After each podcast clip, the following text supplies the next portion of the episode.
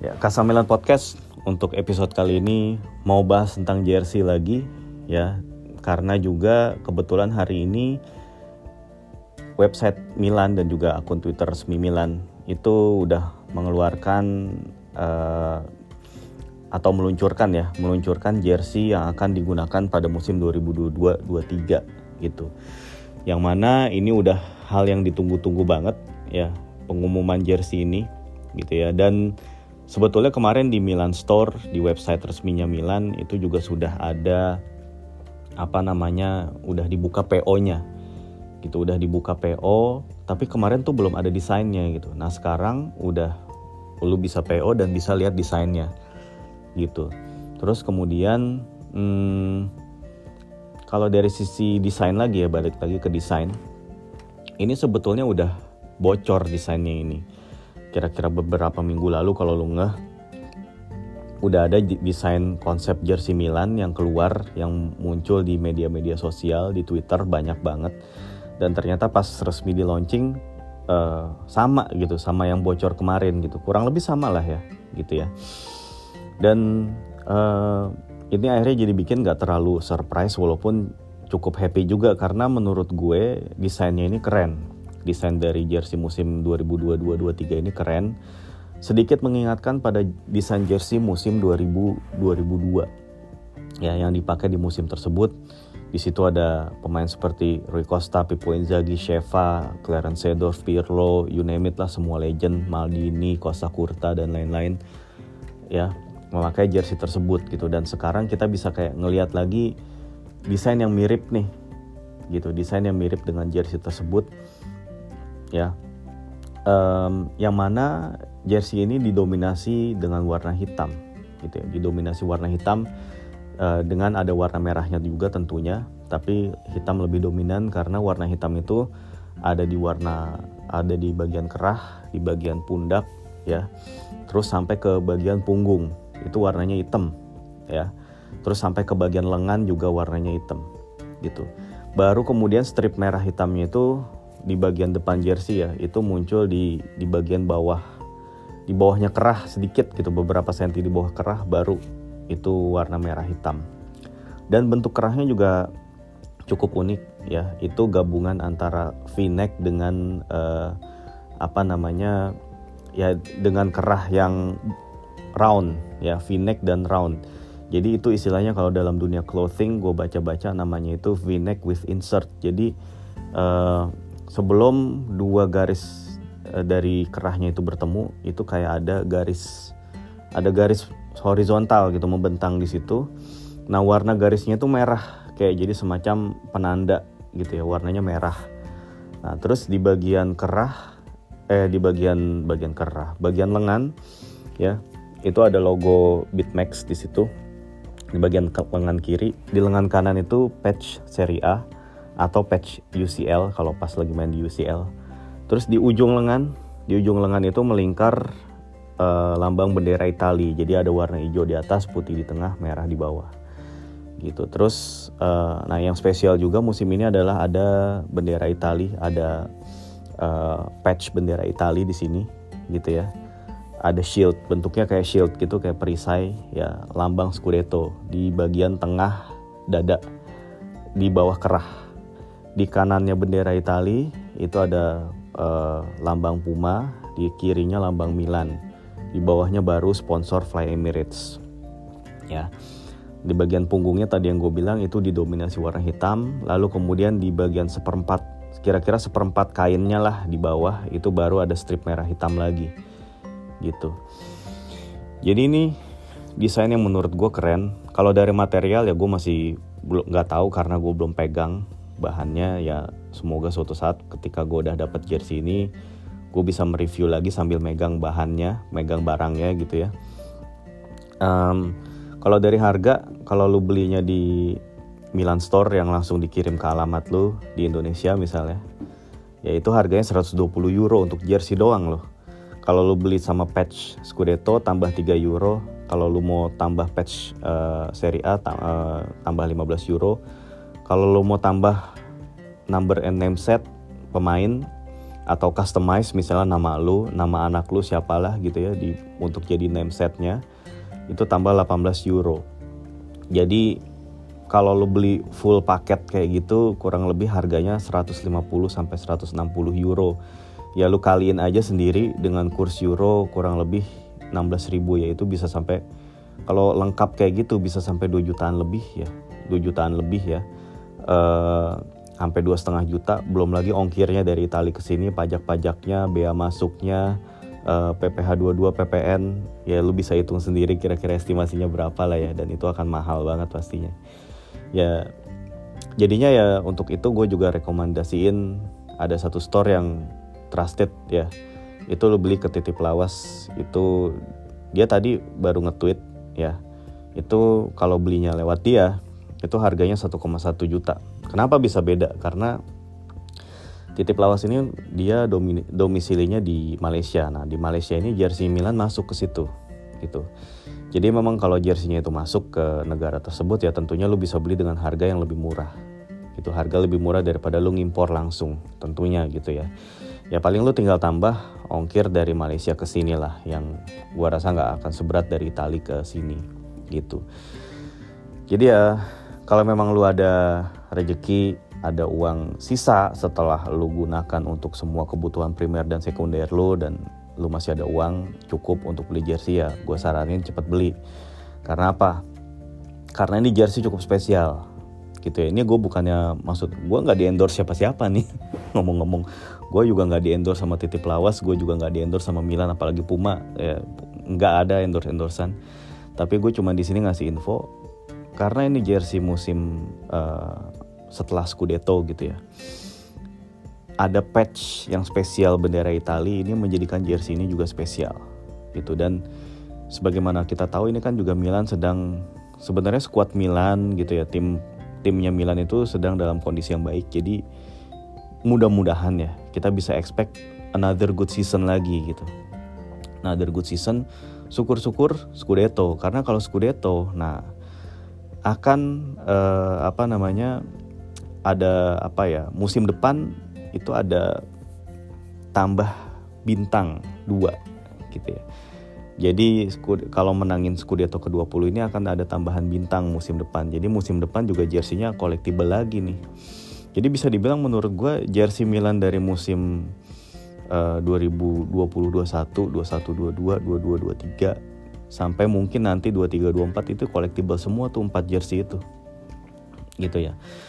For different reason mereka collectible semua. Gitu. Dan namanya juga jersey collectible ya. Itu bisa lu gunakan juga selain untuk lu koleksi lu bisa lu pakai juga. Dan bisa juga lu jadikan sebagai investasi. Karena namanya juga collectible banyak yang nyari.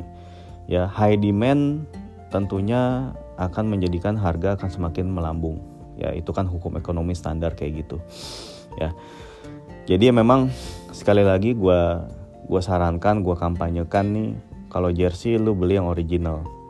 Karena jersey itu untuk hobi.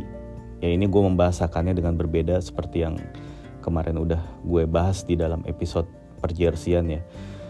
Um, karena buat hobi gitu ya. Ya lu harus prioritasinnya tuh di di bawah gitu. Setelah kebutuhan primer dan sekunder lu terpenuhi ada sisa baru lu beli. Kalau emang nggak ada sisa ya lu bersabar menunggu gitu. Bersabar menunggu sampai terkumpul uang baru lu beli gitu. Daripada lu beli yang KW atau palsu apa pun jenisnya. Ada yang bilang oh di dalam dunia jersey KW itu ada juga player issue sebutannya. Padahal ya itu bukan player issue seperti yang ada di jersey original gitu lu bisa dengar lagi episode jersey original yang ngebahas tentang jenis-jenis jersey juga. Gitu jadi uh, ada beberapa misleading lah gitu yang yang kalau misalnya dibilang oh ini player issue nih. Padahal ini maksudnya player issue-nya KW gitu. Jadi bahkan kalau gue nggak salah ya player issue-nya dalam jersey KW itu lebih murah daripada grade apa KW super lah apalah istilahnya gitu. Gitu. Tapi itu jelas kalau emang jersey-nya bukan original ya itu jersey palsu dan ya namanya jersey palsu itu tidak akan bernilai. Namanya juga barang palsu ya itu tidak akan bernilai. Kecuali kalau misalnya oh gue ngapain beli yang asli? Gue cuma buat pakai lari-lari doang buat pakai futsal ya itu sih gue nggak nggak nggak berkomentar banyak ya. Tapi kalau emang lu beli untuk lu pajang untuk lu koleksi gitu ya sebagai memorabilia lu sebagai fans gitu ya ya memang lebih afdol ya lu beli yang asli lah gitu. Apalagi kalau suatu saat lu BU gitu kan kita nggak tahu ya. Tiba-tiba uh, lu butuh uang nih wah lu punya jersey asli. Ya ini bisa lu bisa lu duitin. Ya itu bisa jadi dengan harga yang lebih tinggi nantinya gitu. Bisa jadi karena ya ini gue sih cukup optimis ya dengan klub ini gitu. Ini kita sama sekali sudah jauh dari Banter Era seperti yang kemarin ada yang beberapa kali nge-tweet uh, Dida tidak perpanjang klub wah ini Banter Era incoming gitu. Gue yakin nih Banter Era. Aduh. Gimana ya gue uh, kalau dengar kata Banter Era itu bukan bukannya gue alergi sih bukan. Kayak gimana gitu? Kok uh, kalau lu udah ngikutin perjalanan klub ini terutama udah lama gitu ya. Masa iya lu nggak bisa ngebedain banter era dengan sekarang gitu. It it's a whole different thing you know banter era dengan era sekarang gitu. Banter era itu dulu ya gue bisa gue ucapin lagi nih apa yang gue tweet waktu itu. Pada saat banter era itu pemain itu overpriced. Jadi beli pemain itu mahal banget padahal kualitasnya nggak mumpuni dan pemain tersebut performanya juga nggak bagus nggak sesuai ekspektasi.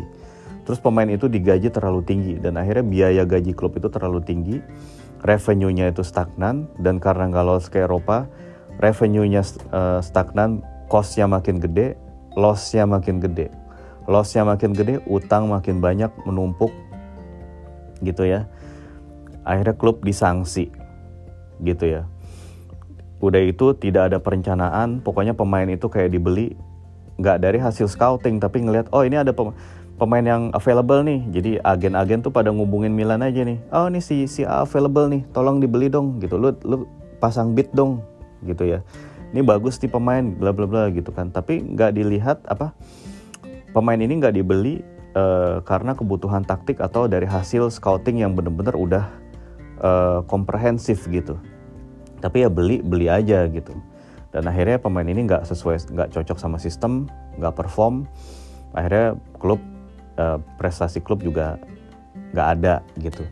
Terus udah gitu regenerasi pemain muda juga nggak jalan. Ya itulah banter era ya lu bandingin situasi tersebut dengan yang sekarang ya sekarang uh, biaya gaji dikendaliin pemain itu dibeli berdasarkan scouting terus pola permainan jelas dan kemarin udah lolos ke Liga Champions musim 2020-21 dan Scudetto 2021-22. How come situasi situasi tersebut ketika kemudian misalnya manajemen agak lambat gitu ya mengum, mengumumkan perpanjangan kontrak Maldini Masara dan juga Dida nggak perpanjang kontrak dan juga Sven Botman dan juga kemudian misalnya Renato Sanchez di tikung klub lain lu bilang kita menuju ke banter era gitu. Come on. Maksudnya ya gua rasa sih itu harusnya tidak membutuhkan penjelasan lebih untuk memahami hal seperti ini aja gitu sih menurut gue ya gitu. Tapi ya kalau memang gue perlu memberikan uh, pendapat lagi analisis lagi ya seperti ini. Jadi kalau memang lu bilang ini menuju banter era emang indikator banter era itu apa gitu? Tolong sebutin indikatornya itu apa aja. Data-datanya apa aja kalau lu mau bilang ini banter era gitu. Dan dibandingin sama sekarang bandingin head to head data-data itu gitu. Jangan cuman kayak karena perasaan lo tidak senang lo bilang ini menuju banter era gitu. Karena ya seharusnya memang tidak berdasarkan feeling gitu. Tapi harus ngelihat data dan ngelihat situasi yang berjalan sekarang. Gitu sih maksud gue ya balik lagi ke ke jersey. Ya menurut gue emang cukup worth it kalau lo mengoleksi jersey musim uh, musim-musim sekarang gitu ya. Terlebih kalau lo punya rejeki lo beli gitu ya. Syukur-syukur kalau ada yang ada giveaway lu dapat ya lu bisa dapetin gitu ya. Ya namanya rezeki bisa datang dari mana aja ya. Tapi sekali lagi gue juga bilang jersey itu hanya hobi dan tidak punya jersey itu bukan berarti lu tuh yang gimana banget gitu ya sebagai penggemar klub walaupun sangat afdol punya jersinya tapi kalau nggak punya pun juga nggak apa-apa gitu. Lu bisa ngedukung klub selama itu memang positif bisa dengan berbagai cara gitu. Bisa dengan kayak misalnya nih lu beli atau langganan TV gitu. Langganan TV yang menyiarkan pertandingan resmi dari channel yang resmi gitu lu langganan gitu gua rasa biaya langganan TV kalau misalnya lu beli setahun lu beli di lu bayar di muka gitu ya beli buat setahun ke depan itu juga harganya nggak akan lebih mahal daripada uh, lu beli lu beli kopi atau lu beli rokok gitu selama setahun itu. Nggak akan lebih tinggi dari itu gua rasa. Itu jadi emang ya banyak cara banyak cara sih sebetulnya untuk lu apa secara positif memberikan dukungan kepada klub yang lu suka gitu ya. Dengan menonton di channel resmi dengan membeli jersey asli dengan membeli merchandise asli dan lain-lain gitu. Jadi ya menurut gue uh, it's okay gitu. Menurut gue uh, dengan lu membeli jersey asli ya itu memang bagus tapi kalaupun tidak ya tidak apa-apa juga gitu. Anyway terus berita selanjutnya adalah um, preseason udah dimulai ya um, training preseason maksudnya. Um, tadi beberapa pemain udah diberitakan ya beberapa beberapa jam lalu ini sebelum tag podcast ini pemain seperti Simon Kayer, Matia Caldara ya. Terus ada Pobega, ada Gabia itu udah datang ke markas klub. Jadi pemain-pemain ini udah siap mengikuti latihan untuk menjalani musim depan gitu tapi untuk beberapa pemain yang sempat ikut di Nation League ya kayak ada Mike Mignon, ada Rafael Leao, ya uh, itu mereka nyusul bergabungnya. Atau pemain baru seperti di Vogue Origi itu juga nyusul gitu. Ya. Selain itu dari bursa transfer ya belum ada perkembangan signifikan setelah Origi itu tes medis. Baru kemudian Florenzi diresmikan ya terus uh, siapa lagi ya? Uh, kayaknya itu doang sih baru itu doang. Dan juga Mirante ya. Selain itu belum ada lagi baru sekedar rumor-rumor dan juga masih belum ada apa ya belum ada green light gitu ya. Paulo Dybala kabarnya ditawarin kontrak tapi ya dia harus mau nurunin demandnya dia gitu. Kalau dia mau main di Milan. Begitu juga uh, pemain seperti Hakim Ziyech lagi dibicarain formulanya kabarnya. Charles de Ketelaere kayaknya bakalan jadi prioritas nomor sekian. Gitu masih belum ya masih belum ada pergerakan uh, apa namanya yang lebih lanjut. Douglas Lewis itu muncul sebagai kandidat pengganti Renato Sanchez. Seandainya memang Sanchez merapat ke PSG Douglas Lewis ini gelandang Aston Villa yang dari gaya main menurut gue ya mirip kayak Benacer sih ngototnya secara cukup teknikal juga. Uh, apa namanya punya passing yang bagus punya dribble yang bagus mengingatkan sedikit pada Benacer ya dia cuman bukan kidal aja dia kaki dominannya kanan gitu. Ya. Terus apalagi ya? Gua rasa sih ini dulu aja sih update yang bisa gua sampaikan. Uh, Milan itu baru akan memulai pertandingan preseason uh, persahabatan ya pertandingan-pertandingan uji coba. Pertama lawan FC Köln tanggal 16 Juli, terus berikutnya tanggal 23 Juli lawan uh, apa sih ZTE, ZTE klub dari Hongaria. Terus kemudian tanggal 27 lawan Wolfsberger klub dari Austria dan kemudian tanggal 31 Juli lawan Olympic Marseille. Jadi memang ditutup di pertandingan-pertandingan ini nih. Gitu. Tapi mungkin uh, seperti halnya musim lalu ya gua rasa sebelum ketemu dengan empat tim ini ya itu kan empat tim ini tuh mereka Milan itu akan melang melangsungkan pertandingan dengan empat klub ini tuh tandang ya. Mereka biasanya akan menggelar uh, training camp. Kalau nggak salah training campnya tuh sama kayak di musim lalu yaitu di kota Klagenfurt di Austria gitu ya. Emang kayaknya favoritnya Milan ke situ tuh uh, training campnya tapi sebelum mereka ngecamp di situ, mereka biasanya akan melakukan pertandingan lawan tim-tim lokal dulu gitu ya. Musim lalu kalau nggak salah Milan itu ketemu uh, ketemu Vicenza, ketemu siapa? Prosesto apa siapa tuh yang ada klubnya, ada Christian Maldini main di situ. Ya, beberapa pertandingan akan dilangsungkan di Vismara atau sekarang namanya jadi Stadion Puma setelah dibeli naming right-nya gitu ya. Jadi ya kita nantikan aja pertandingan preseason. Gue sih biasanya akan nonton karena gue penasaran, terutama penasaran dengan pemain baru. Penasaran seperti apa Pioli akan menerapkan skema, apakah ada eh, taktik-taktik atau inovasi-inovasi cara bermain yang baru lagi gitu ya. karena ya sebagai juara bertahan udah pasti tim-tim itu akan lebih lebih punya drive, lebih punya determinasi ketika berhadapan dengan Milan dan untuk itu ya Milan perlu menyiap, menyiapkan lebih banyak lagi faktor-faktor kejut. Eh faktor kejut. Yang mana ini bisa berguna ya kalau tim itu udah mulai bisa ngebaca pola serangannya Milan gitu. Yang cukup banyak mengandalkan akselerasi dari Theo, Leao, uh, inverted fullback gitu ya. Ataupun dengan mengandalkan Olivier Giroud yang jemput bola itu pasti udah diantisipasi nantinya. Dan karena itulah di preseason ini kesempatan bagi Pioli untuk mencoba skema-skema baru. Begitu juga pemain-pemain baru udah mulai harus diintegrate supaya mereka cepat paham dengan skema dengan pergerakan teman-temannya. Ya udah jadi ya dalam waktu sebulan dua bulan ke depan tim ini udah bisa jadi kebentuk lah untuk bisa memulai musim 2022-2023 dengan baik. Karena seperti yang udah pernah dibahas jadwal 10 jad, 10 pertandingan pertama di musim 2022-2023 ini cukup berat. Jadi uh, kalau Milan bisa mengurang, mengulangi uh, start musim lalu yang mana Milan itu meraih 9 kemenangan dan satu hasil imbang gitu ya di 20, 10 pertandingan pertama musim lalu ya yaitu Milan harus cepat bisa integrate timnya sedini mungkin dan kalau bisa memang pemain-pemain baru itu bisa datang secepatnya gitu siapa pun itu. Gua rasa tuh akan ada dua atau tiga pemain lagi yang datang atau empat lah maksimal.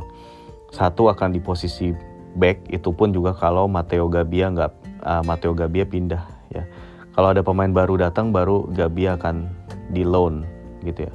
Terus di posisi gelandang kalau Bakayoko udah resmi dealnya itu dipotong ya artinya dia balik lagi ke Chelsea bisa datengin gelandang baru ya terus untuk posisi gelandang serang gua rasa ini juga jadi prioritas ya gelandang serang dan sayap kanan ya. Junior Mesias sepertinya tidak jadi ditebus ini indikasi kuat menurut gua. Uh, manajemen sedang mempersiapkan nama-nama baru ya bisa jadi Hakim Ziyech ini akan menggantikan posisinya Junior Mesias. Begitu juga Samu Castillejo akan hengkang juga dan di, di posisi nomor 10 sebetulnya udah ada Brahim Diaz dan Rade Kronik tapi ya Kronik kan si serba bisa. Dia bisa main di tengah sebagai gelandang uh, gelandang tengah juga. Dan Brahim Diaz masih nggak tahu apakah akan di terus dilanjutkan loan 2 tahunnya atau di cut seperti halnya Bakayoko. Gitu. Tapi kalaupun dia dia ada pun menurut gue tetap nggak bisa ngandelin dia musim depan ngandelin dia semusim gitu ya perlu ada pemain di depannya gitu pemain yang lebih siap yang punya uh, higher level daripada dia gitu secara permainan dan bisa ngasih output yang lebih baik. Dan untuk itulah pemain seperti uh, Charles de Ketelaere ataupun Dybala itu emang dibutuhin di situ gitu. Ya udah uh, gua rasa ini aja mau gue sampaikan dalam episode kali ini. Kurang lebihnya mohon maaf dan makasih udah dengerin Kasambilan Podcast. Sampai jumpa lagi dalam episode selanjutnya. Ciao Thank you.